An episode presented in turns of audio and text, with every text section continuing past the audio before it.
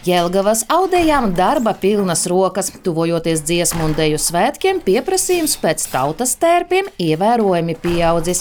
Iedzīvotājus interesē gan lakati, gan vestes, gan lina krekli vīriešiem, bet visvairāk zemgales rakstājanie brunči. Lai tos uzaustu, ir nepieciešams apmēram mēnesis, stāsta tautas tērpu darinātāvas un amatnieku darbnīcas Austras raksti dibinātāja Aija Malkalna. No šīm stelēm top uh, zemgales uh, sirsniņbrunči, kas tiek austi stelēs ar velkamo ierīci, jeb kā audeju valodā sauc uh, pupu stelēs. Kāpēc pupu stelēs?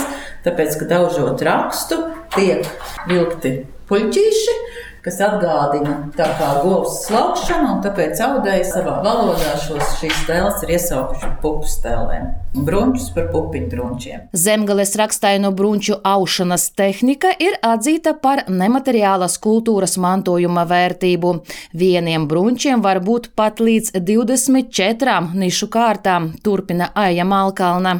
Diegu skaits arī atkarīgs no raksta veida. No šiem konkrēti ir vairāk kā tūkstots diegi.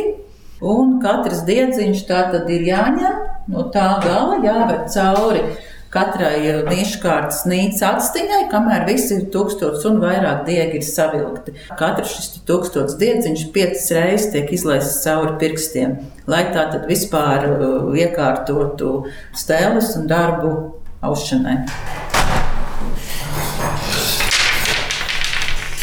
Blakus telpā darbam tiek sagatavotas savādākas vēsturiskas stēles ar nosaukumu Lielupes viļņi. Tās 20. gadsimta sākumā izgudroja un ražoja Pēteris Viljumsons. Šīs stēles ir pusautomātiskās, tāpēc uz tām strādāt ir vieglāk, skaidro audēja Anita Rauda Žukovska. Celšanas process ir puslīdz jau mehanizēts. Tā saucās pusautomātisks tēle, jau, ja? kur darbību veids jau augšā, tur tā galva, kurš un ko no šejienes varbūt nevar redzēt.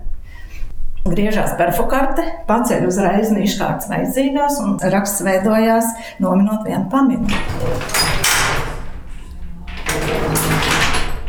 Plānots, ka gan zemgales rakstainie bruņķi, gan topošais sīkrakstains lakats piedalīsies tautas tērpu skatē, kas šovasar norisināsies dziesmu un deju svētku ietvaros. Skirmante Baļķute, Latvijas radio.